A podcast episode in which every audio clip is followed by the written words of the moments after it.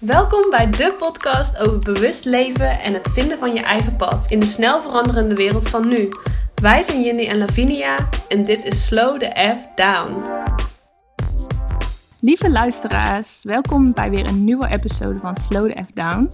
Vandaag hebben wij een super interessante gast voor jullie en dat is Jaela Voet. Zij is Energy Talk en heeft haar eigen bedrijf Your, waarin ze energetisch werk doet. En ze schrijft er nu en dan ook uitgebreide energy updates op Facebook en heeft YouTube-video's gemaakt over allerlei spirituele onderwerpen. En ja, op haar Instagram schrijft ze ook dat ze op een soort missie is om magie te normaliseren en helderheid te brengen in een veranderende wereld. Dus dat is iemand die we eigenlijk heel graag wel wilden spreken. En ja, we zijn dan ook heel dankbaar dat ze te gast bij ons wilde zijn in onze podcast. Dus welkom Jaela. Dankjewel. Dankjewel voor de uitnodiging. Superleuk. Ja. ja, we zijn echt heel blij. en ja, de eerste vraag die we altijd stellen aan, aan onze gasten is: um, wat betekent slow the F down voor jou? Um, nou, toevallig is dat wel echt een uh, uh, interessant onderwerp waar ik de laatste tijd zelf heel veel mee bezig ben. Um, want ik ben niet iemand die heel slow is. Ik ben juist echt een onwijs snelle denker, heel hoog in mijn energie. En het is voor mij altijd juist een uitdaging om um, ja, wat kal kalmte hè, te krijgen. Want je hebt er vaak, uh, hoe noem je dat, het stereotype spiritualiteit, dat uh, het slow life, uh, dat dat standaard is. Maar dat is nee. in mijn ervaring helemaal niet zo. Niet alleen bij mij, maar ook bij nou, collega's, mensen waar ik mee samen heb gewerkt. Um, ik merk juist dat uh, als je in hoge energie zit, dat je juist uh, onwijs snel gaat en veel te snel kan gaan. Mm. En dat vind ik sowieso um, um, iets in de bewustzijnswereld uh, wat er nu te veel gebeurt. Dus ik ben, ik weet niet, kijk, jullie, je, je kent me van Facebook en van mijn Instagram, denk ik zo. Hè? Mm-hmm. Um, maar sinds ik moeder ben geworden, twee jaar geleden, is er zoveel veranderd. Dus ik ben ook echt wel wat minder actief op, uh, op, uh, nou, op al mijn kanalen eigenlijk. Omdat ik nog steeds aan het zoeken ben van hoe ga ik wil een verandering maken in dat werk. Om wat mm -hmm. rustiger aan te doen. Ja. Met mezelf, in mijn eigen leven, maar ook met um, energetisch werk. Dus daar zal ik zo wel wat meer over uitleggen hoor. Maar uh, ja, rustiger leven is heel belangrijk om te kunnen genieten. Dat is eigenlijk waar ik nu op het punt zit. Dus ja. Ja, mooi. Ik denk dat de vraag beantwoord, maar... Ja, ja wel. wel leuk om te horen inderdaad dat jij hoog in je energie zit en dat je inderdaad uh, ja, niet van nature kalm, of ja, kalm. Ja, dat je inderdaad Langzaam. wel echt... Uh, ja. Nee, echt het tegenovergestelde van ja, nature. Leuk, ja. ja. Dus je moet jezelf heel erg afremmen. Ik heb dat ook namelijk heel erg.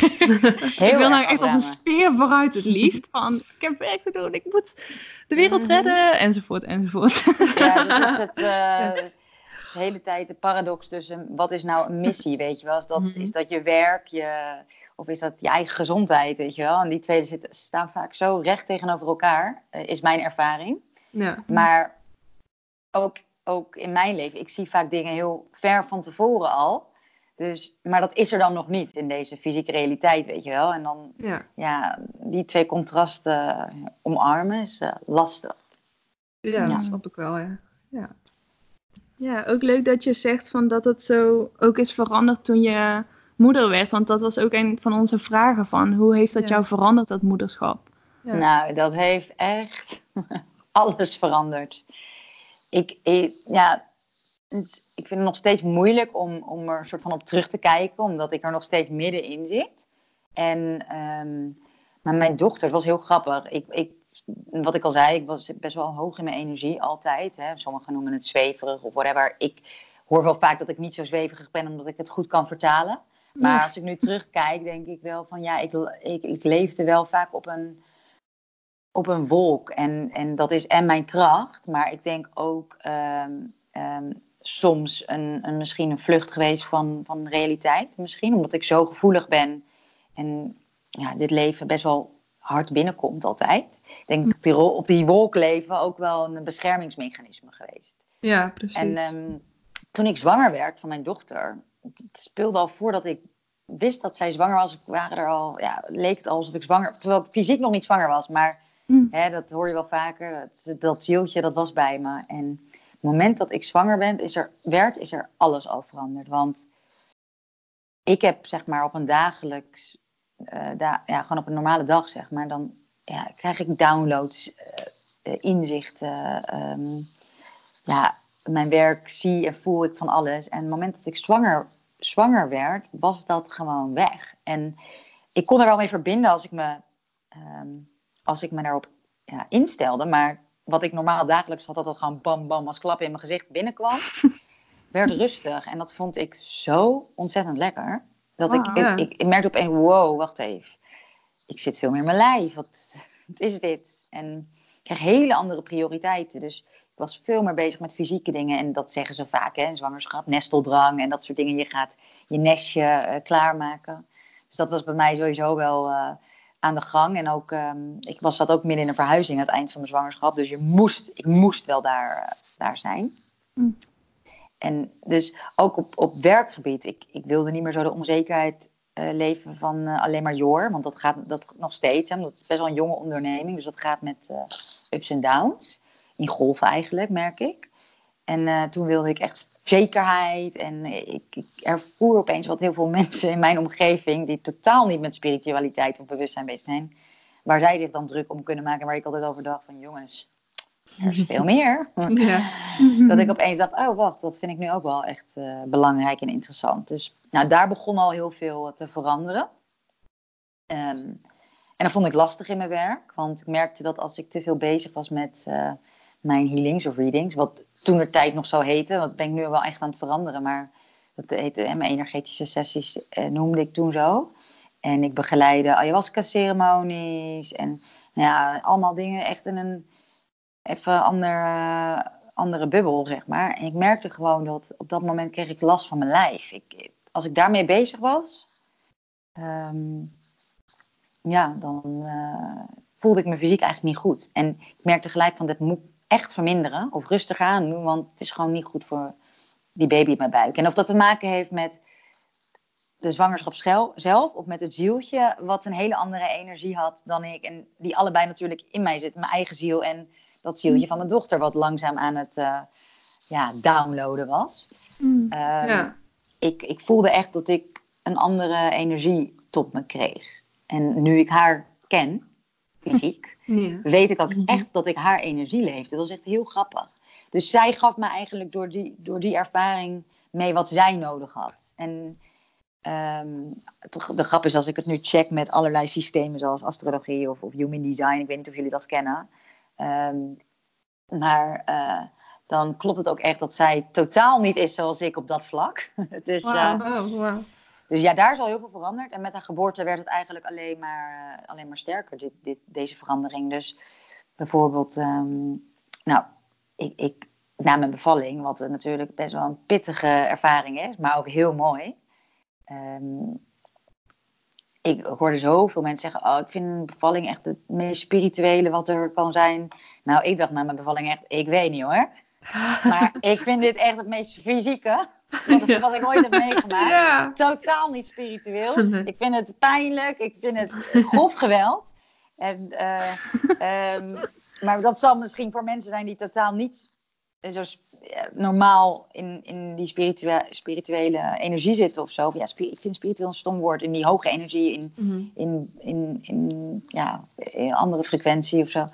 Uh, is dat misschien juist dan een spirituele ervaring, weet je wel. Maar mhm. voor mij was het echt het meest uh, ja, grounding experience die ik heb meegemaakt. En dat is het nog steeds. Ik, ik mag bepaalde dingen gewoon in mijn werk niet meer doen. Het werd ik, eh, op ja, ik weet niet, misschien handig om dan zo te vertellen wat ik dan deed. Want dan kan ik goed het verschil maken over wat er is mm. veranderd zeg maar, in, mijn, werk ook. Maar ook, in, ook hoe ik naar het leven kijk hoor. Dus, het, uh, dus ja, ik weet niet of dat handig is om eerst te vertellen wat ik deed ja. sessies. Ja, zo ja doe maar. ja. nou ja, wat ik al zei, ik, deed, ik, ik gaf dus dan even vanuit Your uh, readings en healings, energetische sessies noemde ik het. En je kon dan kiezen tussen een um, um, visuele uh, energetische sessie of een fysieke. En de fysieke noemde ik een healing, dus dat was echt meer lichamelijk, uh, lichaamsgericht. En mm visueel was meer nou ja, visueel gericht en dat ging meer vanuit een visualisatie maar beide hetzelfde. Ik maakte eigenlijk contact met iemands veld, waarin ik allerlei dingen er, ervoer. Dus of lichamelijke ehm, sensaties, of, of plaatjes, of ik hoorde dingen. Nou van al die, al die zintuigen werden eigenlijk, uh, worden dan aangesproken. En in beide vormen gebeurde allebei. Alleen was voor de cliënt, zeg maar, de ervaring echt fysiek of visueel. Dus die, die nam ik mee of in een reis naar binnen vanuit hè, visualiseren. Of iemand lag op de massagetafel en kreeg gewoon echt een massage, terwijl ik ook allerlei andere dingen deed. Maar ook mhm. echt een, een massage.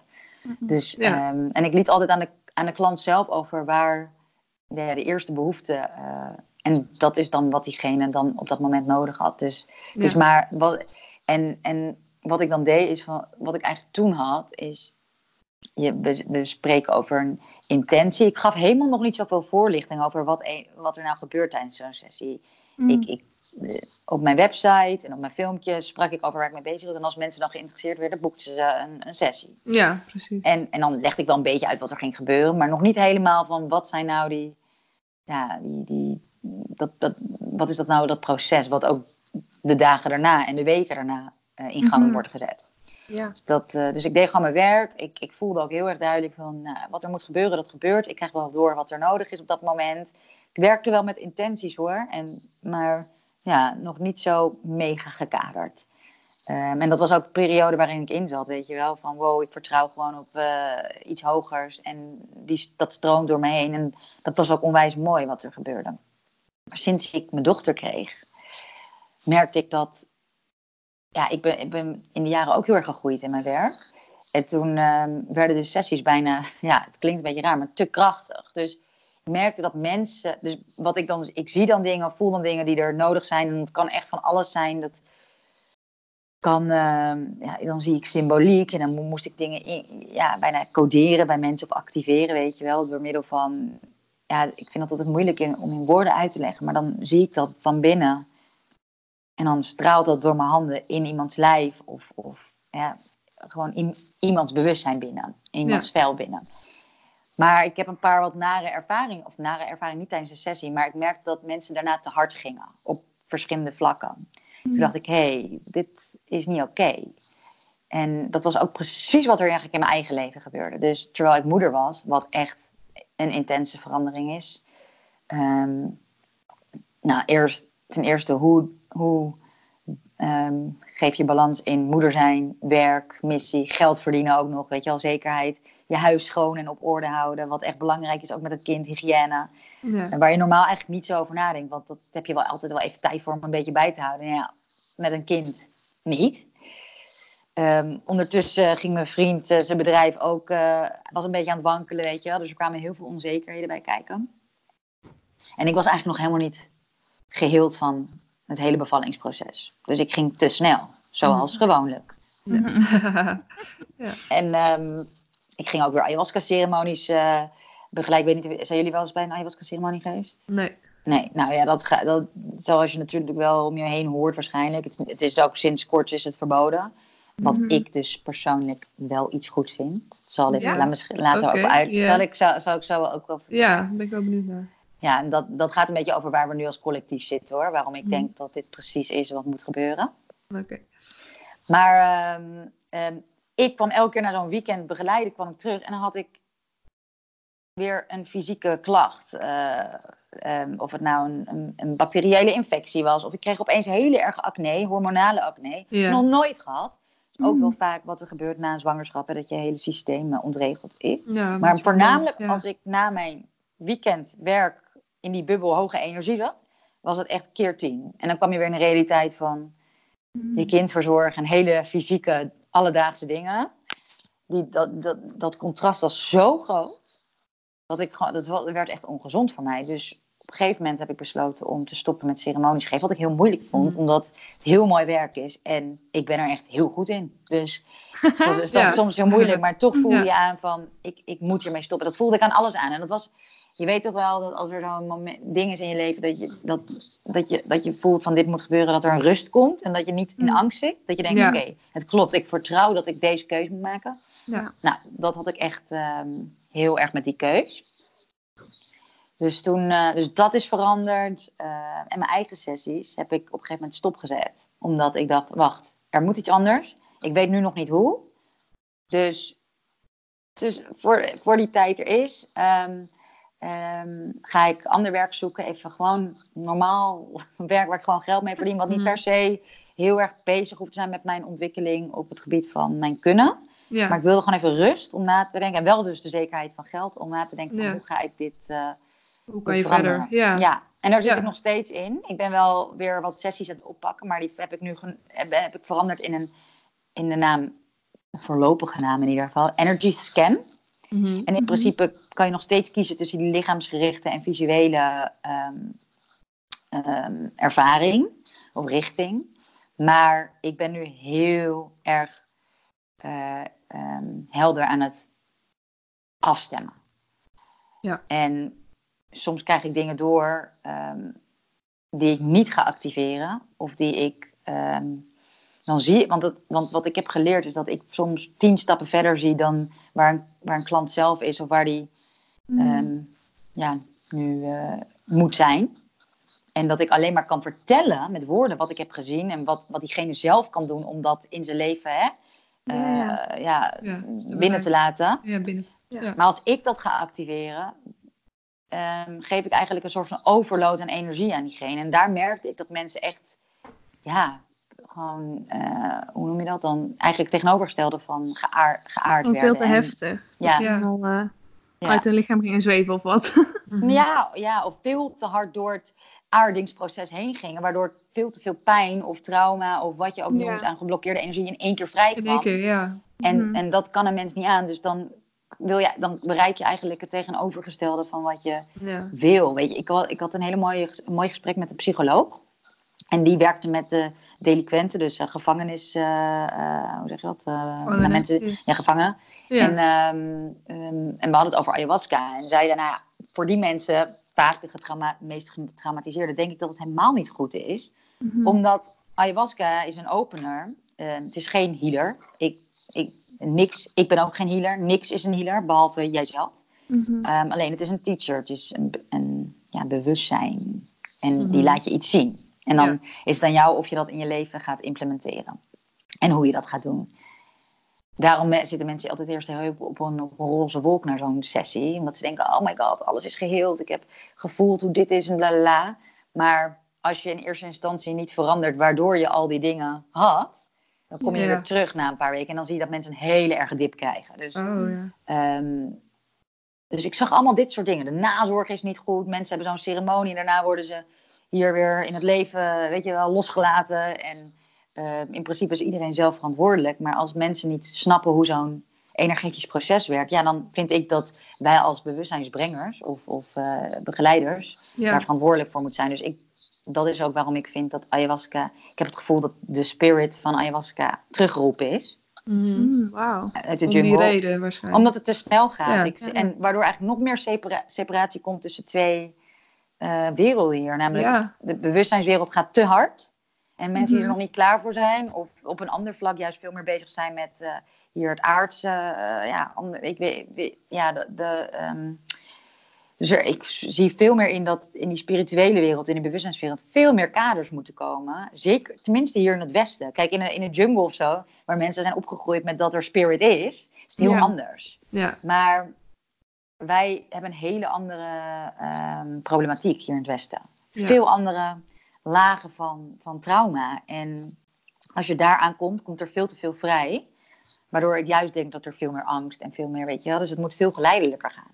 En Ja. daar, daar moeten mensen op eh, begeleiding krijgen. Ja. Maar de- dit ervoer ik dus in mijn eigen leven.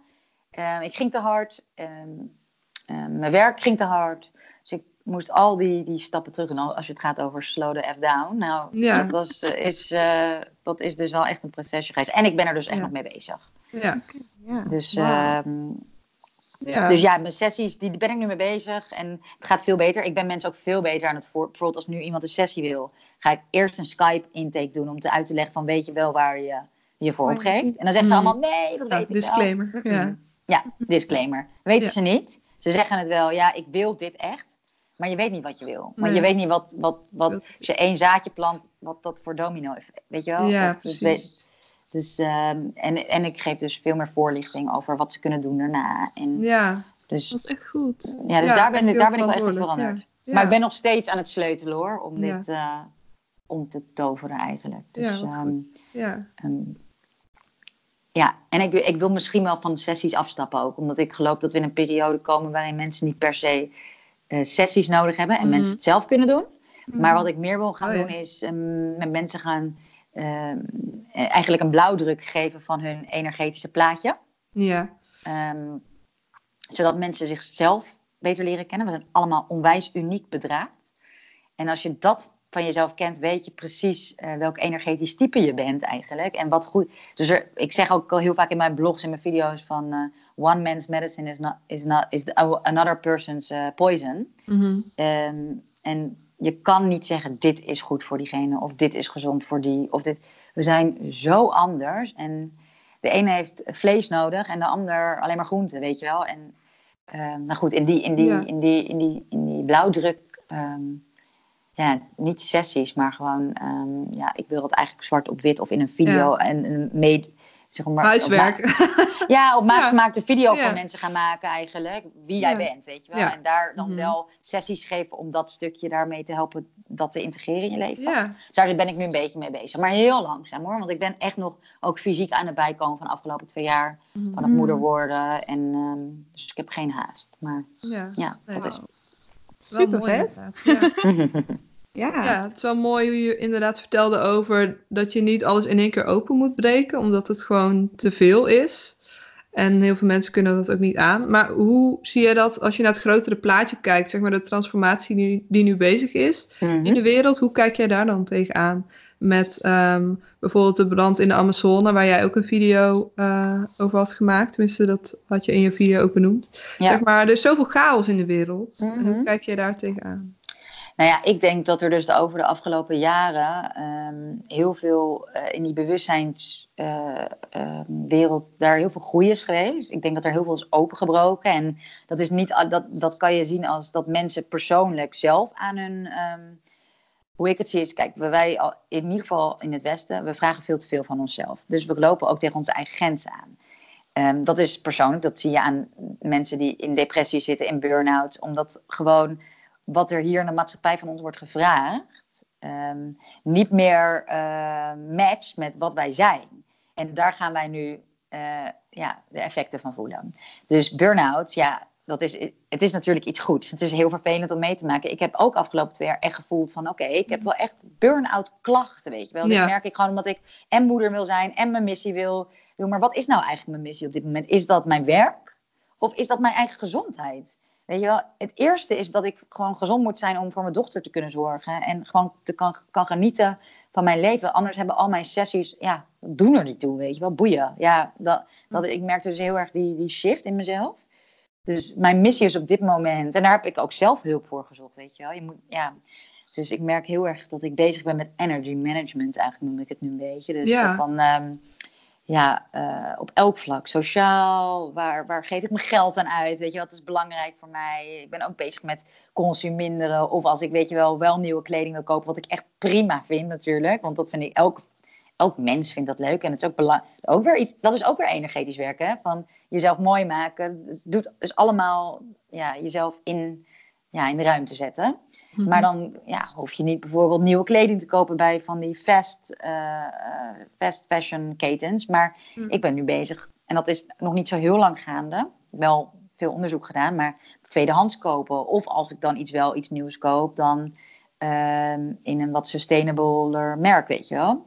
Ja. Dus op al die vlakken ben ik nu zelf bezig. Maar ook met, ik ben naar een therapeut geweest om me te helpen met alle veranderingen. Ehm, dat doe ik nog steeds. Massages. Dus ik probeer op al die vlakken eigenlijk mezelf weer een beetje ehm, ja, ehm, tot rust te brengen.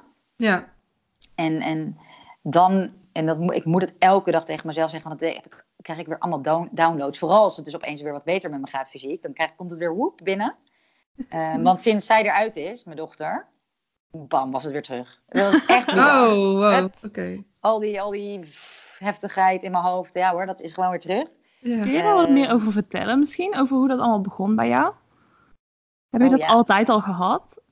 Zolang ik me kan herinneren wel, ja. Ja, ik, ik was ehm, echt heel jong, drie of vier. En toen had ik hele erg migraine aanvallen. En toen hebben ze mij, um, mijn ouders en zo, en niemand wist, ze dachten echt dat ik een hersentumor had. Omdat ik echt twee keer per week uh, hele heftige migraines had. Wow. En um, nou, toen kwamen ze erachter dat ik dus het migrainepatroon van een volwassene had. Als drie, vierjarige. Nou, allemaal scans en weet ik veel wat. En toen heb ik als een heel jong meisje, maar dat was toen nog helemaal niet ja, bewust of zo. Maar toen heb ik dus uh, visualisatielessen gehad om die migraines weg, ja, om meer in mijn lijf te komen. Dus ook echt om te visualiseren. En dat heeft mijn migraines toen ja, kunnen managen. Um, dus als kind kreeg ik denk ik al heel veel binnen prikkels. Maar ik kan me niet herinneren hoe ik daarover dacht. Mm -hmm. Maar ook als ik met mijn moeder, mijn ouders over heb, ik ben altijd wel de sensitieve genoemd. En um, op elk gebied. Dus ook, ja. ja, emotioneel ook. Heel emotioneel, maar ook prikkelgevoelig. Gewoon alles komt keihard binnen. En um, ik weet niet precies wanneer dit nou begon, maar ik kan, het was wel echt ja, jong dat ik echt voelde van, wacht even, er is hier echt veel meer aanwezig dan de meeste mensen. Waarom heeft niemand het hierover, weet je wel? Dit dat Ja. is heel erg wat, wat ik voelde. En altijd wel nog in je achterhoofd van, ben ik nou gek? Of weet je wel, is er iets mis met me? Ik weet nog dat ik, dat ik een jonge puber was, dat ik echt vet veel ging googlen over ja, stoornissen. En weet je wel, want dat, dat, dat ligt allemaal heel dicht bij elkaar. Hè? Of je nou eh, psychose hebt of, of noem je dat een spirituele ervaring of whatever. En dus daar zit je dan heel erg middenin. Totdat ik op een gegeven moment, en ik heb zelf ook wel dingen meegemaakt in mijn leven, wat traumatische dingen. Ik kom uit een hele getraumatiseerde familie, een Joodse familie, die allemaal oorlogsslachtoffers zijn. Dus dat, dat, dat, ik geloof ook ergens dat al dat trauma wat in mijn familie uh, leeft, ervoor zorgt dat wij allemaal wel wat meer buiten ons lijf zweven. Omdat als overlevingsmechanisme dat we dat niet wilden voelen. En dat is aange, ja, aangeleerd generatie op generatie. Ik denk dat mijn ziel daarvoor wel voor heeft gekozen om die ervaring te hebben. Zodat ik ook, omdat ik meer uit mijn lichaam zweefde, ja, die andere werelden kon zien. Mm-hmm. Maar ja, op, op, oudere leeftijd werd dat wel een struggle. Van oké, okay, wacht even. Ja, mooi. Ik leef, ik zie van alles. Maar ik zit ook niet in mijn lijf. Dus ik voel me ook niet helemaal goed. Dus dat werd een heel proces. Van hoe kan ik nou toch langzaam dat trauma gaan verwerken of verwerken, integreren. Meer, ik geloof niet dat je van trauma af kan komen. Kan, ik geloof dat je het kan doorleven. En dat, het elk, dat je bewust kan zijn dat het getriggerd wordt de rest van je leven. En als je daar bewust van bent, dan kan je er wat mee doen. En op een gegeven moment dan ga je naar een psycholoog. En dan ga je naar een therapeut die. En dan ga je naar dat werk en dat werk. En hoe verder je dat gaat doen, hoe meer spirituele pad je komt vanzelf. Dus toen kwam ik als jong meisje al op um, de innerlijke reis. Ik weet niet of je dat kent. Nee, uh, maar, volgens mij. Nou, nou, moet je maar eens opzoeken. Het is echt ook een hele interessante methode. Dus ook ja. een uh, visualisatiemethode. En degene die dat heeft geschreven of uh, ontwikkeld, die heeft zelf had een hele grote tumor in haar buik, zo groot als een basketbal. En die oh. wilde niet aan, aan de chemo's en aan weet ik veel wat. Um, en die heeft toen, is toen heel erg gaan visualiseren. En weet ik veel wat ze allemaal gaan doen. En zelf, zelfheling. En de artsen waren helemaal uh, verbijsterd. Want ze had dus uiteindelijk haar tumor weggekregen. En zij is dus deze methode begonnen. Dus uh, mijn moeder had dat gedaan. En toen heb ik dat ook gedaan. En zo, uh, zo kwam ik steeds op spiri meer spirituele dingen. Waar ik me heel erg thuis in voelde.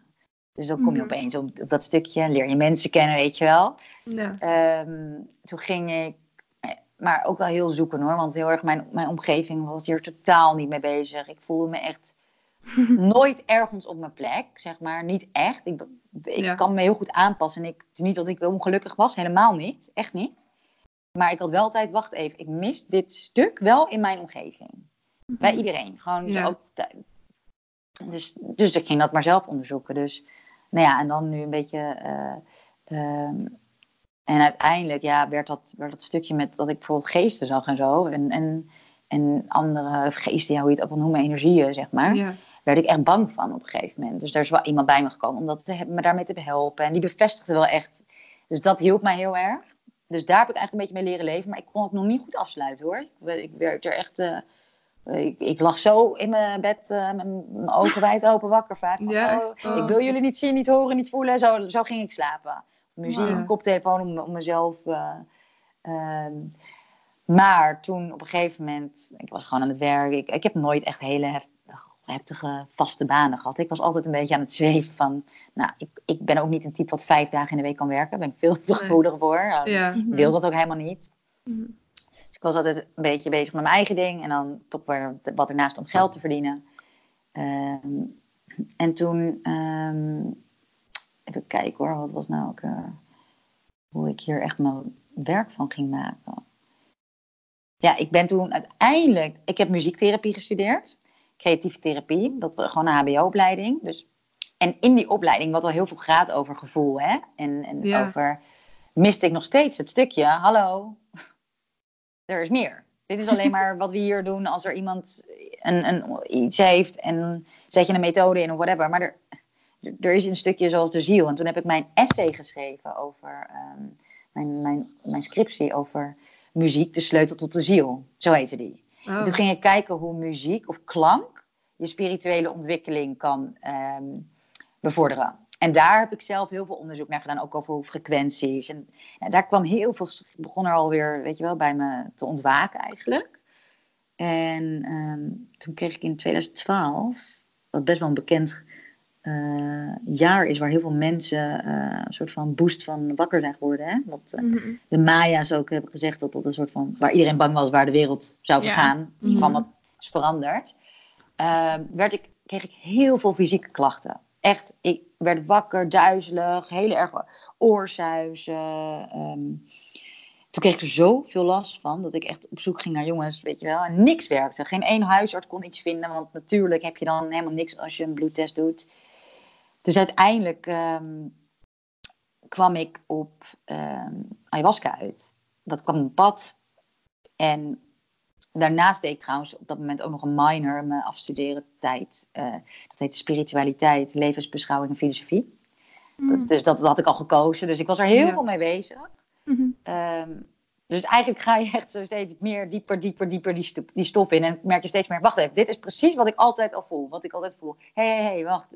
Er zijn mensen die hier ook mee bezig zijn. Ja. Toen heb ik ook nog eens een essay geschreven over leven na de dood. Over een, een bijna doodervaring. Dat heeft mijn moeder ervaren, namelijk bij de geboorte van mijn broertje. En dus ik heb dat, dat heeft me altijd bezig gehouden. Van wat is dood dan? Hoe kan dat nou? Weet je wel, dat je binnen een seconde bij, bij wijze van spreken er niet meer kan zijn. Waar ben je dan? Dus altijd een vraag wat mij bezig heeft gehouden. Maar goed, toen kwam ayahuasca op mijn pad. En toen heb ik mijn eerste ceremonie gedaan. En daar heb ik zo ontzettend veel bevestiging gekregen in wat ik altijd al voel en ervaar. En dat ik daar meer mee moest doen.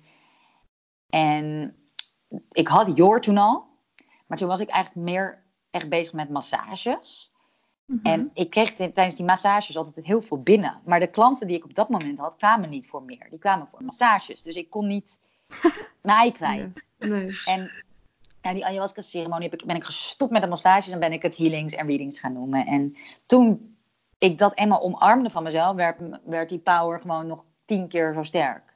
En sinds ik daarmee bezig ben, ja, blijft dat eigenlijk ehm, groeien. Tot het moment dat ik dus zwanger werd en dacht, wow, wacht, dit is too much. Ik wil dit niet. Ik wil niet openstaan. Ik ben hier niet voor niets op deze wereld als mens nu. Ik hoef niet continu eh, met eh, al mijn spirit eh, teams in contact te zijn. Ik heb er helemaal geen zin in. Ik werd er duizelig van. En ehm, ja, dus, dus een soort van, ik, ik noem het altijd, je hebt het altijd in die spirituele wereld, heb je het over ascensieproces. Over het as- ascension noemen ze het. Ja. En ik geloof dat een heel groot deel van de wereld nu daardoor heen gaat. Dus mensen wakker worden.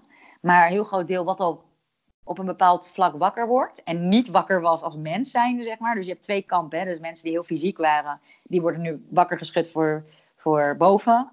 En mensen die heel veel aan het zweven waren, die worden eigenlijk nu eindelijk eens...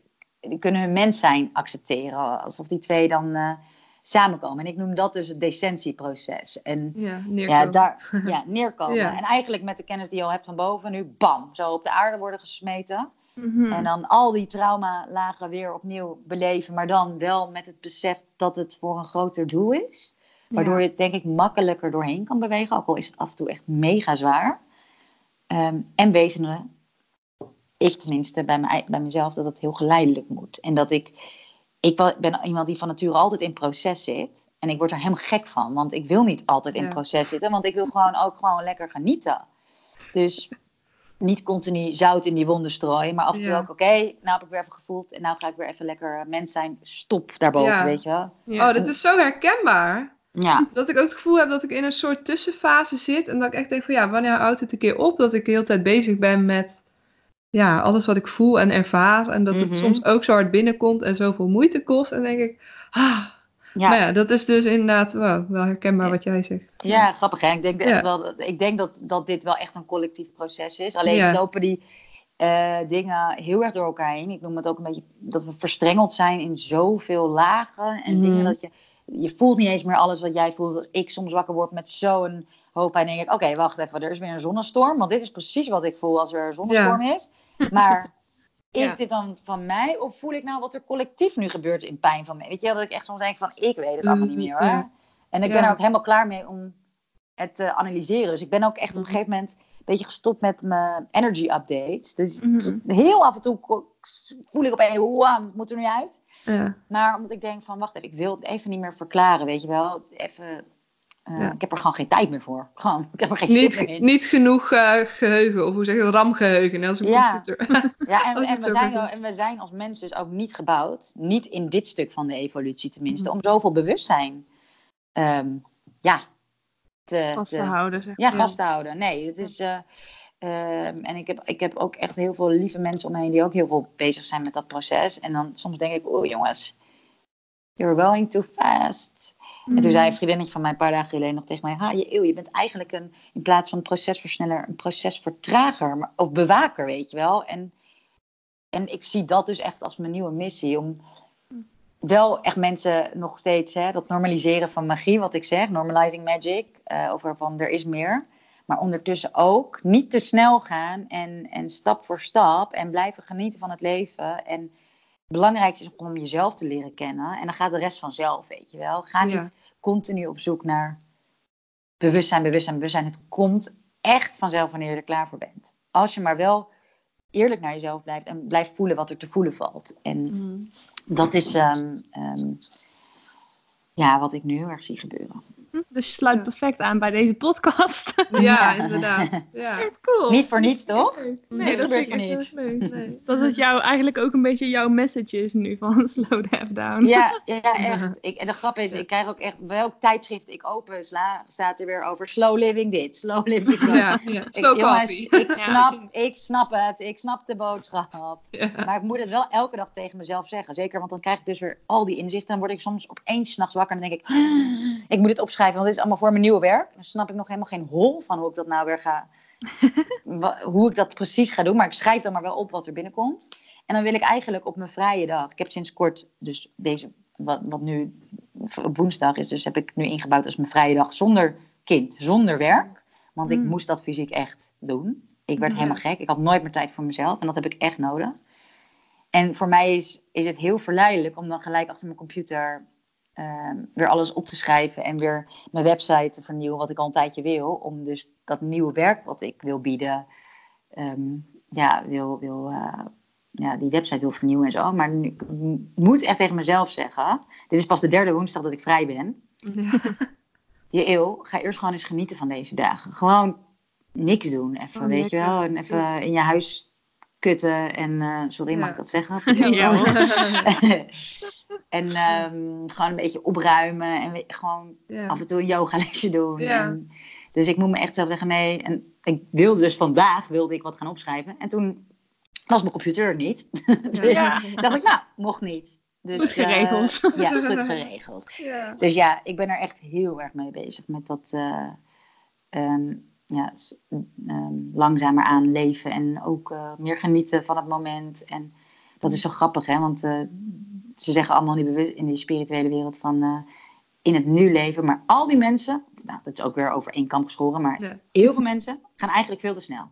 Ja. En ze hebben het zelf niet door. Nee. Dat vind ik echt mooi dat je dat zegt, want meestal hebben we het over mensen die eigenlijk nog een beetje aan dat pad moeten beginnen, die nog helemaal vastzitten in, in heel veel werken en veel te veel zichzelf vragen. Maar, dan, maar meestal denk je niet aan mensen die al op een spirituele pad zijn, dat die juist ook, ook langzamer moeten gaan. Want ik moet dat Juist. ook heel erg tegen mezelf Mhm. zeggen. Want ik vind altijd dat niks snel genoeg gaat. Dus slow the F down is ook heel erg tegen mezelf. Ja, Ja. al je werk is je, eigen, dat is meestal je grootste les. ja, Wat je ja, zelf doet, zeg maar. Ja. Dat is echt. Ja. Ja, want ik wil altijd zo- gewoon ja, met alles zo snel mogelijk vooruit. En dan denk ik, dan heb ik het gevoel dat het al zo langzaam gaat. En dan moet het nog langzamer. Ja, ja, ja, ja. Ja. Ik ook. Bij mij is het alleen al het autorijden. Ik word dan, ik word zo uitgedaagd om geduldig te zijn. En ik ga dan, hé, hey, kom, ik, ik wil nu eh, groen, ah, stomme trut, eh, rijd door. Weet je, dat soort, zo Ja. zie ik mezelf echt. Nou, eh, het tegenovergestelde van wat je denkt wat spiritueel is, hoor.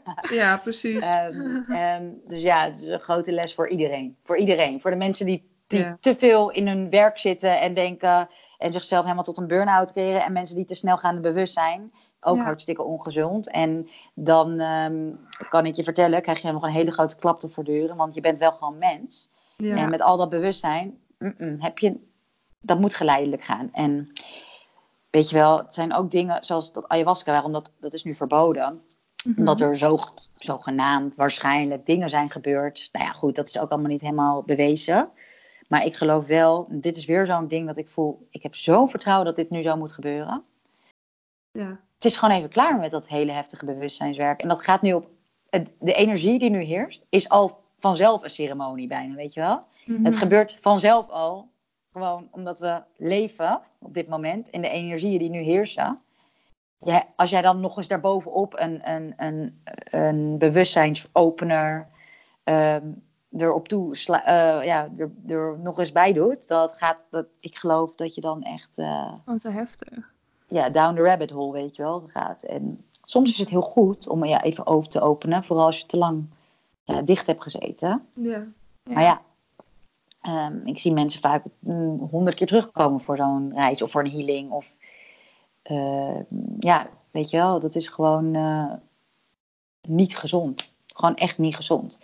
En ook, dit- deze hele paradox, want dat is echt waar ik nu in bevind. Gewoon, ik merk gewoon, wow, weet je wel, we leven zo in een paradox. En die twee moeten we maar in onszelf eh, ja, laten bestaan recht tegenover elkaar, maar eigenlijk zijn ze hetzelfde. Als je bijvoorbeeld ook kijkt naar medicatie. Je ziet zoveel mensen in de spirituele, spirituele wereld die zeggen... Jezus, weet je wel, het moet allemaal gezond en je mag geen medicatie. Ik zag vorige week een stuk over iemand, iemand die dit schreef. Over, over dat hele gedoe waarom ayahuasca stopte. En waarin hij zei van ayahuasca noemen ze gevaarlijk. Wat nou gevaarlijk? En inderdaad, ik geloof dat ayahuasca zelf niet gevaarlijk is tijdens een ceremonie. Als je goed begeleid wordt. Maar het proces daarna, als je niet weet wat er gebeurt, is echt wel gevaarlijk. In Mhm. mijn ervaring. Ja. Omdat ja, de energie werkt zo dat als jij iets hebt gezien, word je in je leven nog tien keer meer uitgedaagd op dat vlak. Ehm, om je les te leren, zeg maar, of je les te integreren, laat ik het zo zeggen. Dus dan wordt de uitdaging waarvoor je in eerste instantie kwam, voor een healing of voor een ceremonie, die wordt daarna nog tien keer groter Ja. omdat je- je wordt getest, dat klinkt een beetje streng, of je wel, weet je wel, echt bereid bent om dat stuk in je leven te veranderen. Zodat je niet meer ziek wordt of, of, of ja, down of whatever. En ehm, die riepen ook van ja, ayahuasca is niet gevaarlijk. Het is juist een mooie opener waardoor je leert voelen. En bijvoorbeeld ehm, antidepressiva, dat is wat ze benoemden, is slecht. Eigenlijk werd er gezegd, want dat blokkeert je gevoel. Dat, dat verdooft het. Nou, en ik zit dan altijd zo van, ja maar wacht, dat is waar en dat is waar. Want ik, soms is antidepressiva heel goed. Als iemand veel te veel voelt, waardoor hij gewoon niet meer kan leven, is het Mhm. goed om daar even een rem op te zetten. Als iemand opeens helemaal overspoeld wordt. Ja. Maar het is gevaarlijk omdat het verslavend is, weet je wel. Daarom is het niet goed. Dus ook daarin zou iemand begeleid moeten worden. En ayahuasca is heel mooi om iemand weer te openen wanneer die te lang niet heeft gevoeld, weet je wel. Dus je moet gewoon kijken wanneer is wat nodig in je leven. Maar je kan Ja. niet zeggen, ik, ik, heb het, ik ben het ook echt niet eens met dat de reguliere geneeskunde niet goed is. Alleen die is te gekaderd en de spirituele wereld is te open. En die moeten gewoon samen gaan werken. Ja. Ja. En, en ehm, allebei de kanten moeten door allebei de kanten worden geaccepteerd. Mhm. Als goed, zeg maar. Ja, precies. Dus dat, dat is, eh, ja, ik hoop dat dat, ik, dat gaat ook wel echt wel gebeuren hoor. Maar ja, we gaan allemaal heel geleidelijk. Ja. Wat, wat goed is. Maar voor ons snelle denkers en snelle bewegers heel frustrerend. Ja. Ja. ja, het is in ieder geval voor iedereen belangrijk om gewoon even take chill pill. Ja. Take a chill pill, ja. ja. En het is zo, weet je, want ik hoor mezelf dan dit praten, want dit is ook wel echt mijn ervaring en zo. Mhm. Maar ik heb het echt niet makkelijk hoor. Ik heb echt een heel heftig proces achter de rug net. En Ja. echt waarin, je, waarin ik zo vaak heb gedacht, wacht even, ik dacht dat ik al zoveel dingen had gezien en bewust was. En het lijkt wel alsof ik honderd stappen terug heb gedaan hoe ik me voelde de laatste tijd. Ja. Ehm, niet zo heel lang geleden ben ik nog opgenomen met, door, de, door de ambulance. Omdat ik zo'n heftige ehm, fysieke hartkramp had. Wat niet Mm. mijn hart bleek te zijn, maar dat dacht ik. Oh, ja. Omdat ik ook te snel ging. En te veel deed, wat niet matchte met mijn energie, weet je wel. Mhm. Dus voor mij is dat de grootste les geweest om juist rustiger aan te doen. Dus het is ook weer zo mooi dat, die, dat je denkt dat je tien stappen terug hebt gedaan, terwijl je eigenlijk weer wordt wakker geschud tot. Het, het- ik- en ik, ik vind altijd mensen die eh, zeggen van nou, dit is hoe het moet of dat is hoe het moet, moet je voor waken, want Nee. we zijn allemaal Het is voor mensen. iedereen anders ook. Ja. ja. Ja. Ja, maar kun je iets meer vertellen over hoe het allemaal werkt in je lichaam? Want heel vaak, ehm, ik denk dat heel vaak mensen, als mensen denken aan trauma, eh, denken ze vaak aan het mentale en emotionele aspect. Maar er Mhm. wordt nog niet zo heel veel gesproken over van hoe het vast gaat zitten in je lichaam. En, en ook wat jij zegt met snel vooruitgaan. We kunnen eigenlijk niet zo snel vooruitkomen omdat ons lichaam nog helemaal moet eh, eh, inhalen. Ja, mhm. en ja, zich aan moet passen. Dus kun je daar wat meer over uitleggen? Ja, nou ja, ik, ik, zal, ik ben hier geen. ehm ehm, dit is allemaal ervaringsdeskundigheid in de zin van dat is gewoon mijn eigen inzicht. Hè? Dus het is niet. Mhm. eh, ik, ik heb geen wetenschappelijke eh, feiten of zo, of argumenten. Maar hoe ik het zie, en dat zie ik dan weer heel visueel voor me, is. Kijk, als je kijkt, er zijn zoveel verschillende lijnen. Dus we hebben onze, oude, onze vorige levens eh, als ziel zijnde. Maar we hebben ook een familielijn. We hebben een collectieve lijn. En we zitten. ehm, hoe ik het zie, met z'n allen op één grote computer ingeplucht. En er zijn allemaal verschillende webben en lijnen en, en, en dimensies en bla bla bla. Dus wat wij ervaren, wij zijn, wij zijn, wij denken dat wat wij voelen van ons is, omdat wij het voelen. Maar ondertussen, als er bijvoorbeeld een brand is in de Amazone, nou over, over die hartkrampen gesproken, dat gebeurde precies in de week dat die bosbranden waren Mhm. ik weet zeker, dat is mijn overtuiging. Dus het is wat ik mezelf aan het aandoen was door veel te hard te gaan met werken en moeder willen zijn, weet je wel, al die dingen, is het uitputten van mezelf. Mhm. En dat is precies wat wij als collectief doen met de aarde. Dus, Mhm. dus wat wij collectief terugzien in, in de aarde, is eigenlijk hoe wij allemaal persoonlijk dat bij onszelf doen. En dat is waarom we het ook terugzien. Dus toen die bosbranden waren, ik voelde gewoon de fysieke pijn van mezelf. Maar ik weet zeker dat ik ook intune op ehm, ehm, ja, die branden. Mhm. Bijna alsof de pijn of het hart van moeder aarde tekeer ging. En dat ik dat fysiek voelde. Weet je wel? Dus over fysieke pijn en, en pijn wat opgeslagen zit of trauma. Het is heel moeilijk om in kaart te brengen wat het precies is. Of het is van iets van, eh, of het van je, van je omgeving is waar je heel nauw mee, weet je wel. Het is, alles is verstrengeld. Dus ehm, ja, ik, en emotionele en mentale en fysieke pijn. Het is gewoon onwijs moeilijk om, om in kaart te brengen, vind ik, wat nou, eh, ja, hoe dat zich opslaat, zeg maar. Ja. Maar het is wel goed om te weten dat dus al die lagen meespelen. Nou, als je kijkt bijvoorbeeld alleen even in dit leven. Nou ja, goed, we maken allemaal dingen mee. Dus dat is ehm, ehm, van, eh, van dat je een klein meisje bent en er een hond heel hard tegen je heeft geblaft. Wat eigenlijk een soort van eh, emotioneel en mentaal trauma heeft ontwikkeld. Dat je bang bent voor honden de komende jaren. Terwijl het Mhm. misschien niet heel klein was, hè, maar dat was heel groot in die ervaring, omdat je schrok. Heb je in dat moment, zeg maar, ja, jullie zien mij nu op, op film, maar dat kan je niet horen in een podcast, maar dan heb je je verkrampt. Dat is wat Mhm. er gebeurt als je, ehm, of als je bijvoorbeeld eh, bijna een botsing hebt in een auto of op de fiets, dan sta je toch even zo, weet je wel, dan, Mhm. ja, dat, dat gebeurt er. En wat er dan gebeurt is, energie ver- ja, staat gewoon, wordt vastgehouden. Mhm. En vaak door om te overleven gaan we weer door. Moeten we, als je een botsing hebt gehad, verzekeringspapieren invullen? Of we gaan snel naar de, weet je wel, om, om het heftigste, de wond te laten, uh, weet je wel, genezen en dat soort dingen. Um, maar ondertussen is die verkrampte energie, die staat stil. En dat, dat leren we niet om um, te ja, releasen. Ik, wat is even ontladen. Mm En Um, dat bouwt zich op. Van hele kleine momentjes die wat vaker gebeuren, tot grote trauma's, tot dingen die, die dus überhaupt al in je DNA zitten door je familie. Tot aan dingen die in je energie zitten vanwege je eigen vorige leven, zeg maar.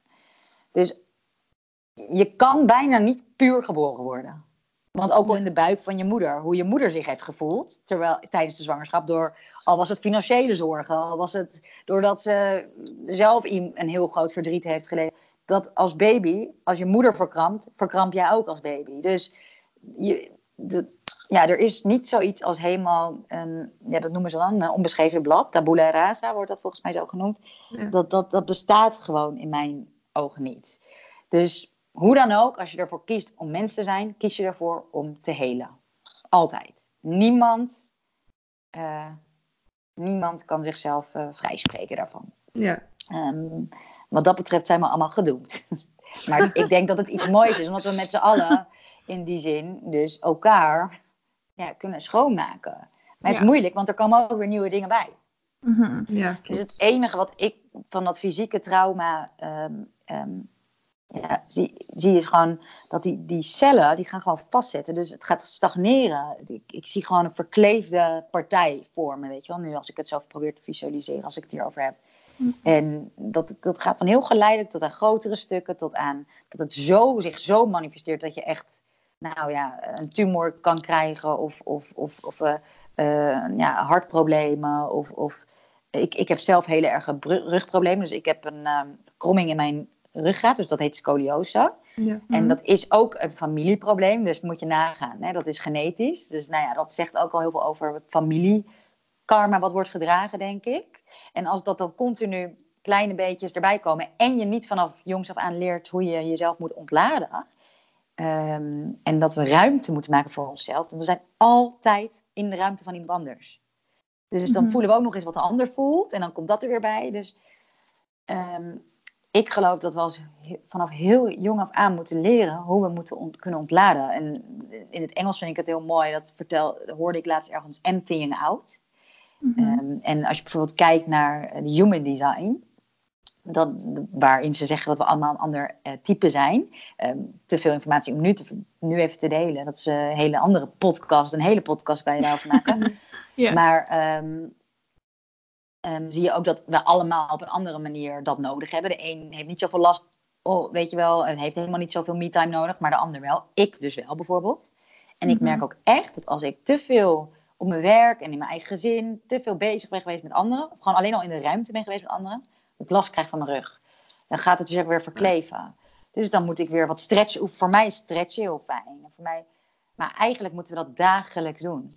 Of jezelf afspoelen met douchen, weet je wel. Gewoon niet en dit is ook wat ik, ik heb dit zo vaak aan mijn cliënten en ook in, in ceremonies aan mensen die meegaan gezegd. Wij, voor ons is het heel normaal dat als je, eh, je een dag hebt eh, nou, geleefd, als je gesport hebt, dat je gaat douchen omdat je stinkt en dat je niet vies in je bed wil liggen. Maar dat is maar één laag. Dat is alleen maar een laag wat we kunnen zien en ruiken, weet je wel, met onze fysieke sensaties maar, of zintuigen. Maar ondertussen op energetisch vlak blijft er zoveel aan ons kleven. De dingetjes die ons te veel zijn geweest in, in, in, in werk, waar wat, bijvoorbeeld wat we met de computer hebben meegenomen. Of de verkeerslichten in, terwijl je aan het rijden bent. Ehm, ehm, het harde gelach van degene in het cafeetje waar je zat wat binnenkomt. Weet je, al die dingen slaan we op. Daar moet, dat moeten we ook schoonspoelen. En er zijn duizenden manieren om dat te doen, wat maar ook fijn is voor jou. De een houdt ervan om te gaan hardlopen, de ander om juist in bad te gaan liggen. En de ander om ademhalingsoefeningen te doen. De ander om yoga uh, te doen, weet je wel. De ander om een, een, een wierookje op te steken en dan gewoon even te gaan zitten. Dat maakt niet zoveel uit. Dan moet je voor jezelf altijd gewoon voelen van wat is goed voor mij. Wat voelt fijn voor mij. Maar dat um, is wat, wat er volgens mij wordt bedoeld met dagelijkse practice. En ik vind dat ook heel moeilijk in een druk leven. Want laten we heel realistisch, zien, uh, realistisch zijn. Het kan niet altijd. Want we hebben gewoon een druk leven. Dus als ik merk van oké, ik heb echt, echt helemaal geen zin. Ik ben te moe van de hele dag om nu te gaan yoga of te gaan sporten. Doei. Dan denk ik, wat is voor mij nu de snelste manier om toch even proberen schoonspoelen? Is dan letterlijk onder de douche te gaan staan. En Ja. ik, word dat, ik weet gewoon dat dat mij hield. Ehm, en zelfs dan doe ik het niet altijd en dan word ik wat zwaarder wakker. En dan heb je Mhm. volgende dag weer een nieuwe kans. Maar dat, dat is dus hoe ik zie hoe trauma. En trauma klinkt heel heftig, maar trauma zijn dus ook die harde prikkels. Ja. Van die harde lach van die vrouw naast je in het café. Dat is ook trauma voor je lijf. Het is namelijk allemaal belasting. Mhm. Dat, trauma is gewoon overbelasting. Mhm. En Ja. ja. de een is gevoeliger dan de andere daarvoor. Ehm, en de een heeft grotere trauma's meegemaakt dan de andere. Maar dat slaat zich dus op. En ik geloof dat als wij dus te veel... Ik geloof allemaal dat het fysiek als mens begint. Als dat zich blijft opbouwen en je doet daar niks aan... dan komt het emotioneel, wordt het gemanifesteerd. En als je emotioneel te lang daar ook nog niets aan doet... dan wordt het zeg maar... krijg je mentale dingen. Dat je echt gewoon nou ja, psychische problemen krijgt, zeg maar. En maar ook andersom kan het hoor. Dus dat je een heel heftig eh, psychisch probleem hebt gehad, waar je te lang maar niet naar kijkt, waardoor het zich omgaat weer in een emotie. En wat, wat zich dan weer gaat manifesteren in fysieke problemen. Dus Ja. het loopt allemaal door elkaar heen. Het is heel Mhm. ingewikkeld. Ja. En als je aan de ene laag al aandacht gaat geven, komt de re- andere laag sowieso ook naar boven. Dus als ik, als ik, als ik pijn mijn rug heb en ik denk, oké, ik ga weer wat yoga oefeningen doen hiervoor zitten. Nou, lig ik sowieso standaard te janken. Ja. Ja. En dan voel ik me daarna psychisch veel helderder.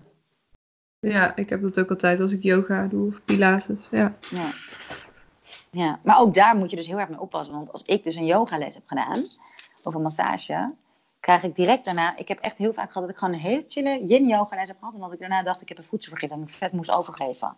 Omdat Oh, dat dus ja. echt energiewerk is. Maar niet snappen dat dat echt op diepe, diepe lagen dingen kan opruimen. Mhm. En bij de een heeft daar natuurlijk niet last van, maar ik dus wel. Dus ik moet zelfs met yoga oppassen dat ik dat niet te vaak doe en niet te intens. te intens. Ik ja. moet, ik, mijn hele les in het leven is echt kleine stapjes. Kleine stapjes. Ja. Ja. Wauw. En de balans steeds zoeken dan, denk ik. Ja, ja, precies. ja, en ook gewoon heel realistisch zijn. Het lukt niet elke dag. En Mhm. als je te veel bezig gaat zijn met ik moet opruimen, ik moet mijn trauma opruimen, ik moet mijn trauma opruimen. Ja, dan ben je jezelf ook weer aan het belasten van ik moet, ik moet, ik moet. Ja, Dus Ja. je moet gewoon op vertrouwen dat wanneer het echt tijd is, het voelt. En de, me- de mens is hardleers. Dus ehm, hoeveel we er ook van weten, we lopen tegen onze grens aan. En dan komt er weer een tijd waarin we heel veel gaan opruimen, weet je wel. Dus ik denk soms dat het niet eens nodig is om altijd op te ruimen. En dat je soms opeens weer voelt, wacht even, ik ben ver over mijn grens heen gegaan. En dan ga je weer een week meer doen. Ja, dat is gewoon Ja. het leven, denk ik. Ja, ja. Ja. Go Cool, with the flow ook. ja, ja. Ja. En gewoon vanaf jongs af aan onze kinderen leren om dat te doen. En ik denk als we dat Mhm. Of tenminste dat, dat dit zo werkt, weet je wel. En dan denk ik al dat je heel veel voor bent, Ja. denk, denk ik. Ja, En, onderte- en ondertussen gewoon je eigen verantwoordelijkheid nemen over wat jij voelt en ervaart. Of dat nou van je buurman is of van jou. Als het voor jou niet prettig voelt, kan jij er wat aan doen, weet je wel. Dus dan, ehm, ja. Maar ja, ik vind dat zelf ook altijd heel ingewikkeld hoor. Dat fysieke, mentale, emotionele. En het, heeft, het is allemaal eigenlijk hetzelfde, maar dan wordt het, ja, uit het zich in een ander, ander, andere frequentie eigenlijk. ja precies. Ja. Wat ik eigenlijk nog wel een, toch wel een goede vind, voor de mensen die nog niet zo veel, eh, niet zo bezig zijn met eh, spirituele dingen en al die begrippen zoals ehm, frequentie en licht en energie, Mhm. eh, die zijn misschien nog best wel vaag voor sommige mensen. Ja. Ja. Kun je dat, kun je dat uitleggen wat het is? Zo. Ehm, nou, ik kan dat dus weer wetenschappelijk niet uitleggen, want ik, ehm, ik vind het altijd heel moeilijk om wat ik ervaar dan weer met feiten of zo te onderbouwen. En zeker voor mensen die hier helemaal niet in thuis zijn en denken dat alles eh, ja, zweverig gelul is. Maar als je kijkt naar, naar de natuurwet en zo, eigenlijk al die, al die grote, grote mensen hebben het over hetzelfde, alleen in een hele andere vorm. Ehm, ja, dat, dat komt gewoon terug op wat wij in essentie zijn. En dat is gewoon, ja, kan je gewoon niet uitleggen als je het niet hebt ervaren, denk ik, op die manier. Ehm, dus dat blijf, daar blijf ik mee worstelen. Ehm, ik ben ook gestopt met mensen overtuigen van wat ik, hoe ik de dingen zie. Mhm. Maar ehm, ik geloof dat als mensen het over God hebben, of over goddelijkheid, of over ehm, ja, een ziel, of da- dat soort woorden, of over energie, of waar hebben we het over frequentie, dan geloof ik dat er een laag is, een, een, een, onze essentielaag, die gewoon altijd zo is. En, en dat is gewoon een heel fel licht. Zo kan je het eigenlijk eh, ehm, even eh, ja, als metafoor gebruiken. Gewoon een heel fel licht wat in ons ogen schijnt, wat te fel is. Eh, Als je, de zon die herinnert ons er elke dag aan. Geloof, dat Mhm. geloof ik gewoon. Dat is Mhm. zeg maar de allereerste laag. En een soort van een, ja, intelligente ehm, eh, ja, energie. Energie. Zelfs de meest eh, botte boeren, die, die zullen het woord energie gebruiken als je ergens binnenkomt. En de sfeer is niet fijn, weet je wel. Dus we kennen allemaal wel het woord energie. Dat is gewoon ja, een gevoel. Het is, het is iets wat in de lucht hangt. Mhm. En dat in de lucht hangt, dat, dat, wat, wij zien is heel fysiek. Maar dat gaat echt, als je, als je dus een trilling verhoogt, ehm, ja, dan, dan ga je weg van het fysiek. En dan wordt het steeds meer geluid of licht. Of... Ja. Goed, ik ga hier ook echt totaal niet proberen om dit wetenschappelijk te verklaren hoor. Want dan ga ik Nou ja, geluid is trilling, hè? Geluid is frequentie. Dat is in ieder geval al een Ja, aanknopingspunt. geluid, geluid is trilling, Ja. inderdaad. En, en hoe hoger bijvoorbeeld een piep is, eh, Mhm. hoe sneller een balkje, eh, zo'n zo'n golf dingetje gaat, weet je wel. Dan Ja. heel snel korte dingen. En als het bijvoorbeeld heel laag is, dan heb je hele hoge, Mm, lage, nou ja, goed, die veel... dus dat is inderdaad geluid. Dus alles is opgebouwd uit dat, zeg maar. En, en ehm, ja, dat komt dagelijks binnen. En ik geloof dat de hele kosmos, die wij zeg maar, hierboven hebben, dus de zon en alle planeten, die, die, die, die, ja, die werken samen. En dat is ergens hoger gewoon heel intelligent geregeld. Ik en niemand weet precies Mhm. hoe het werkt. En soms heb ik van die ervaring gehad dat ik echt dat hele oneindige ben geweest. Dus die eenheidservaring. Ehm, dat al, dat er zeg maar geen begin is geweest. Dat alles altijd al ontsta ja, bestaat en altijd zal bestaan. Dat is gewoon niet te bevatten als mens zijnde. Ehm, totdat je soms in een, in een energie komt door meditatie of door ayahuasca of weet ik veel wat. ehm, waardoor je dat opeens wel kan ervaren. En dan nog steeds denk ik niet dat je het echt ervaart zoals het eh, misschien is. Maar ik geloof dat wij als een soort van collectieve energie ervoor gekozen hebben om het op een ja, andere frequentie te ervaren. En dat is in mijn ogen het aardse bestaan. En we worden continu nog bestuurd door die hogere krachten. En dat zijn bijvoorbeeld waarom ik het net ook al van zonnestormen had. Dat is ook heel wetenschappelijk. In de natuurkunde weet je dat er, er is activiteit op de zon. En Mhm. wanneer da- daar een storm is, wordt, wordt eigenlijk die activiteit naar de aarde gestuurd. Of gestuurd is dan alsof het echt eh expres is. Maar in ieder geval, het raakt de aarde. Eh, Mhm. net als dat energie van andere planeten de aarde kan raken. Hè? Net als dat wij, jij mij kan raken en ik jou. Fysiek, maar ook met, met, met een woord of zo. Dan gebeurt dat ook. En die dingen belichten. En de zon geeft licht. Belichten dingen die ons spelen. In, ja, die, die we bij ons doen. En zo ja, groeien we in de evolutie in mijn ogen naar een hoger bewustzijn. Doordat er continu activiteit is van hogerop. En dat is nog een fysieke laag die we kunnen zien. Hè? Want we zien de zon, we, zi- we, zien, we zien de planeten, eh, in ieder geval de maan en de sterren. En als je met een eh, ander apparaat kijkt, kan je ook, eh, worden ook de andere planeten in kaart gebracht. Telescoop. Ja, Ja. telescoop, zo heet die, ja. En, ehm, en, ehm, maar bijvoorbeeld eh, Mars kan je ook zien, want die heb ik ook eh, eh, niet zo heel lang geleden nog gezien, toen hij heel zichtbaar was, weet je wel. Dus dat is, dus dat is wat we nog eens kunnen zien. Mhm. Dat, dat is onze fysieke laag, maar er is zoveel wat we niet met deze fysieke zintuigen kunnen ervaren. Maar wel als je ja, naar binnen keert en dan kan je het hele, eh, dan kan je steeds meer van wat wij zijn, zeg maar, ervaren. Maar al die dingen in, in het fysieke leven zijn al allemaal knipogen daar naartoe, weet je wel. Dus ja, als er bijvoorbeeld volle maan is, ja, zelfs de meest nuchtere mensen moeten toegeven dat ze daar gewoon ehm, ja, wat in ervaren. En de grap is, wij zijn uit heel veel, eh, wij bestaan uit heel veel water. Ik weet niet het exacte percentage, wat is het, 90% of zo, 80%? Mhm. We weten allemaal, dat, is- dat is dan wel algemeen aangenomen, dat eb en vloed ontstaat door de maan. Mhm. Ja. Dus dat betekent, als water dus geactiveerd wordt door de maan, dat het water in ons ook geactiveerd wordt door de maan. Ja. Dus dan ontstaat er bij ons ook eb en vloed. En water staat in mijn ogen, hè, een storm of eh, golven, staan voor heftige emoties. Dus als het de volle maan is, dan brengt dat emoties naar boven. En dat gaat dan vaak over dingen die dan, als we het weer over overbelasting en trauma hebben, of het nou emotioneel, mentaal of fysiek is, naar de oppervlakte. En dat doet een zonnestorm ook, maar dan weer op een andere manier. En dat doet, eh, als de e- energie van de planeet Mars er is, ook weer op zijn eigen manier. En dan heb je ook nog eens de dierenriem. En Ja. zo worden wij continu, als een soort van puppet show of muppet show, hoe zeg dat? Eh, Met die, die string, ja, worden we, worden we bespeeld. ja. bespeeld. Maar we hebben wel zelf controle hoe we dan Erop daarin duiken. Maar met dat wat ons raakt, daar hebben we geen controle over. En het enige wat we, waar we de controle over hebben, hoe goed voor, voor onszelf zorgen in die intense tijden, weet je wel. En ik geloof dat we gewoon. Ik geloof in God, in het oneindigheid, zeg maar. Maar ik geloof ook in de evolutie. En wij zitten nu in een heel bijzonder stuk in de evolutie. Namelijk dat we opengebroken worden in wat we zijn. En ehm, ik denk, en je ziet er steeds meer nieuw, letterlijk in het, op nu.nl opeens allemaal berichten over dat er door, door mensen van de la- luchtmacht in Engeland UFO's hebben gezien, weet je wel. Dat staat gewoon op het Oh, normale nieuws, ja, cool. steeds vaker. En, en, en dus ik denk dat we echt nog niet eens weten wat er allemaal gaat komen. Ik ben, ik ben er bang voor en ik heb er ook zin in, zeg maar, tegelijkertijd. Mhm. En. Maar dat kan dus niet. Stel je voor dat we nu in één keer allemaal wakker zouden worden. Stel je voor dat we nu allemaal in één keer zouden horen van... oh ja, wacht, God bestaat en dat wetenschappelijk bewezen zouden hebben. Ja. Zou, dat zouden we niet aan kunnen met z'n allen, echt niet.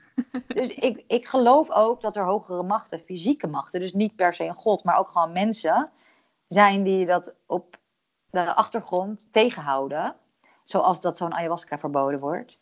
Mm. Ik geloof, daar, zit, dat, dat, dat, daar zitten ook twee kanten aan. Dat is een angst, omdat mensen niet willen dat mensen eh, bewust worden. Omdat ze dan hè, eh, de, macht, de macht zouden kwijtraken daarboven. Ja. Maar aan de andere kant is het ook echt niet gevaarlijk... als mensen te snel zouden gaan, waar we het net al over hadden. Ja. Want dan krijg je ook weten, chaos. ja. Ja. Want dan krijg je te veel oud trauma en herinneringen van vorige leven wat terugkomt. En dat, dan kunnen we niet meer normaal fysiek mens zijn en genieten.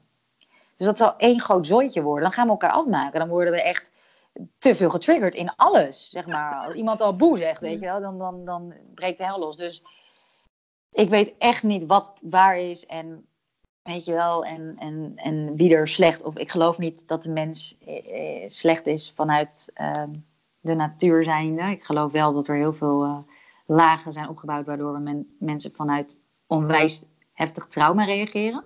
Mhm. Ehm, maar goed, het is, ja, dus als je het hebt over wat zijn frequenties, wat zijn dingen, ja.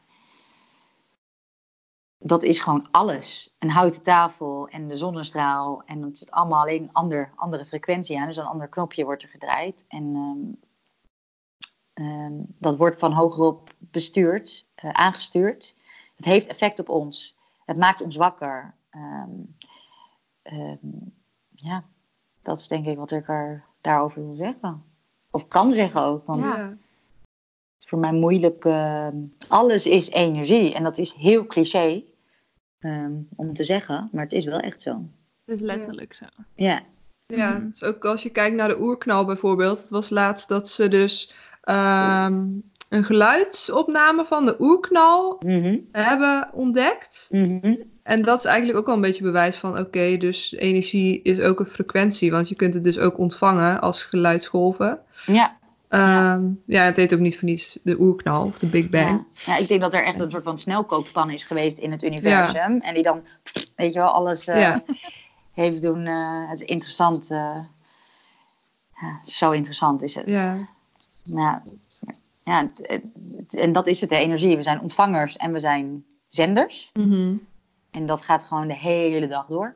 ja. En, en we pikken maar een idi minuscuul dingetje op, zeg maar, eh, bewust. ja. En ondertussen gebeuren er om allemaal andere lagen nog veel meer wat we niet eens snappen. En eh, ook misschien niet willen snappen op dit moment. Want dat Ja. eh, moet, moet ook niet te bewust gaan, denk ik.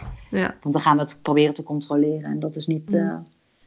niet goed. Maar wat, wat ik heel mooi vind. Wat, kijk, iedereen probeert het op zijn manier te verwoorden. Hè? Of het nou een wetenschapper is of een, een gelovige. Maar als je Mhm. kijkt bijvoorbeeld. Wat ik vind dit een van de mooiste. eh, ehm, wat is het? An- analogie? Is het, nou- hoe noem je dat? Verhaal? Ana- analoog, toch?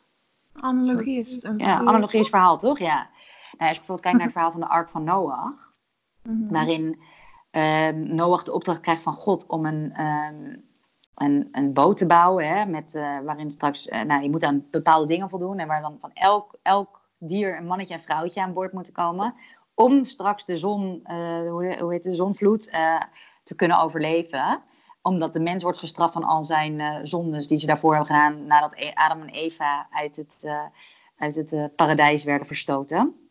Mhm. Ja, als je, als je gewoon echt op- met een nieuw oog, zeg maar, die, die symbolisch verha- die verhalen gaat lezen, dan zie je zoveel terug in wat de meeste spirituele boeken, die niet als religie worden beschouwd, maar gewoon als spiritueel, zeg maar. Gewoon eigenlijk hetzelfde. Maar ik denk dus dat wij allemaal op dit moment die, die ark van Noach zijn. Of die, die, want in mijn oog gaat het over de zonvloed, gaat over in ja, de, de zonnestormen, dus de activiteit die nu komt, waardoor we allemaal veel bewuster gaan. Hè, en die, die, die, die trilling van de aarde steeds omhoog gaat, dat noemen ze de Schumann-resonantie. Dat is de trilling van de aarde en die is, wordt direct beïnvloed door, door de, al die kosmische activiteit.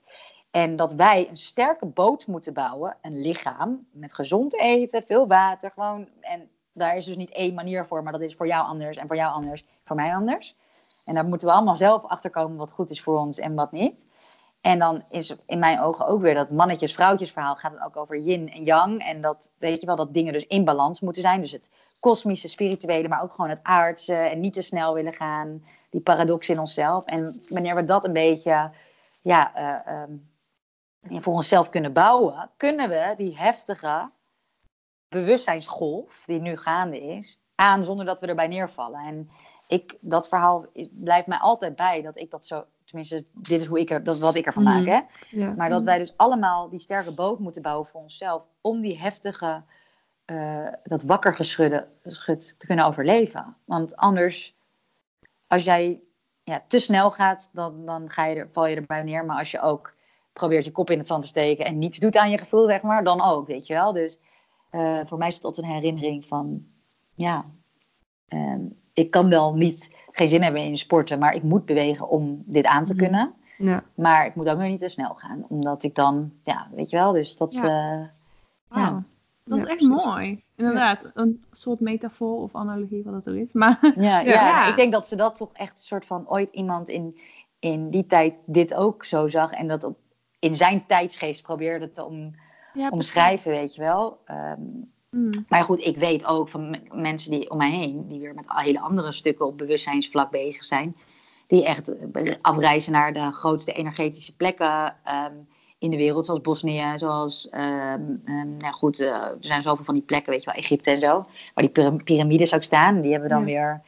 En daar weer helingswerk doen om die plekken te activeren, om weer nog groter bewustzijn. Ja, ik denk dat we daar dus heel voorzichtig moeten zijn, maar ook weer dat er daardoor veel heling plaatsvindt. Omdat er, Ja. dus ook fysiek zit er trauma in de aarde. Dus niet alleen in onze aarde, dus ons lichaam, maar ook letterlijk in de, De planeet. de planeet. Dus ook Ja. daar moeten wij voor zorgen dat daar heling komt. Zoals het plastic uit water halen, weet je wel Ja. Mhm. dat, dat zijn dingen. En ook dat gaat weer twee kanten op. We moeten plastic uit het water halen, heel fysiek, wat er al ligt. Maar we moeten ook gaan consuminderen van plastic. Om te zo- Mhm. voorkomen dat er meer komt. Dus Ja. moet op, op die hele fysieke vlakken moeten er gewerkt worden. Maar ook heel, Mm. ja, eh, eh, in, in, in ons gedrag. Ja, Ja. individueel. En, Individueel, en- collectief. Ja. Precies, precies, Ja. ja. Wauw, mooi man. Ja. Er is zoveel over te vertellen. Hè? Ja, ja, zeker. ja, ja.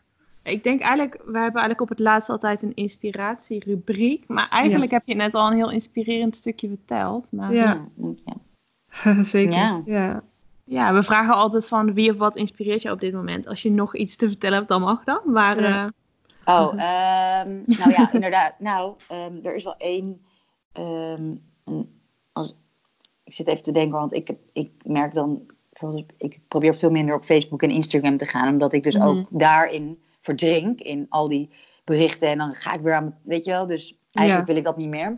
Mhm. Maar ehm, nou ja, die verhalen, die symbolische verhalen, wel, inderdaad, die inspireren me heel erg. Omdat ik dan gewoon mijn eigen, ja, het, het raakt mij op een bepaalde manier, waardoor mijn eigen vuurtje weer gaat branden en ik daar een eigen verhaal Ja. in zie.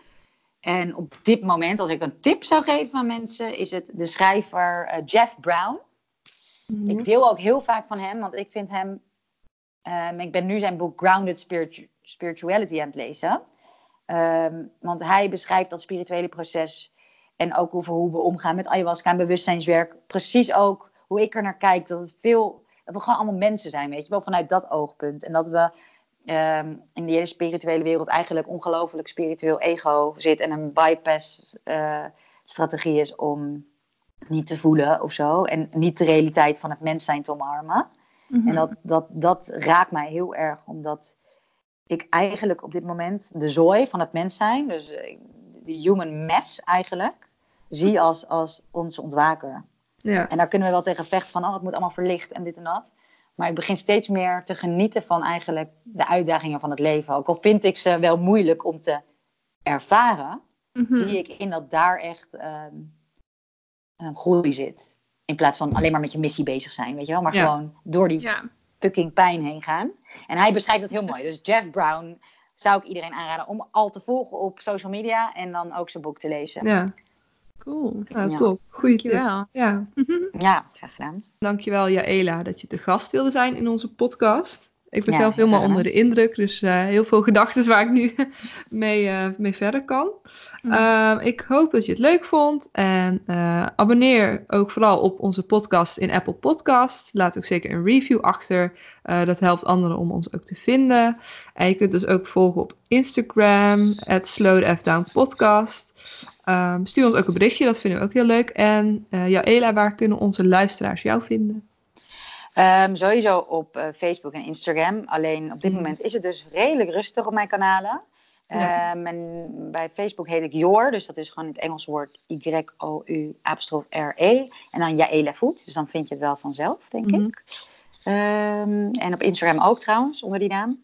En op YouTube onder mijn naam, ja, dan vind je ook wat filmpjes. En dan heb ik ook een kanaal, maar heb ik ook al lang niks gepost hoor. Maar er komt binnenkort uh, meer. En mijn website natuurlijk, www.jor.nl. En dan you re.nl. Nou, top, leuk. Um, heb je nog vragen, opmerkingen of leuke gasten die we volgens jou uit moeten nodigen? Uh, stuur ons dan een berichtje via Instagram of mail ons uh, op slowthefdownpodcast.gmail.com. Dankjewel Jaela dat je de gast wilde zijn in deze podcast. Ja, heel graag gedaan. Jullie bedankt. Ja, leuk. we vonden het mooi zo. Ja, zeker. En tot de volgende keer. Doei!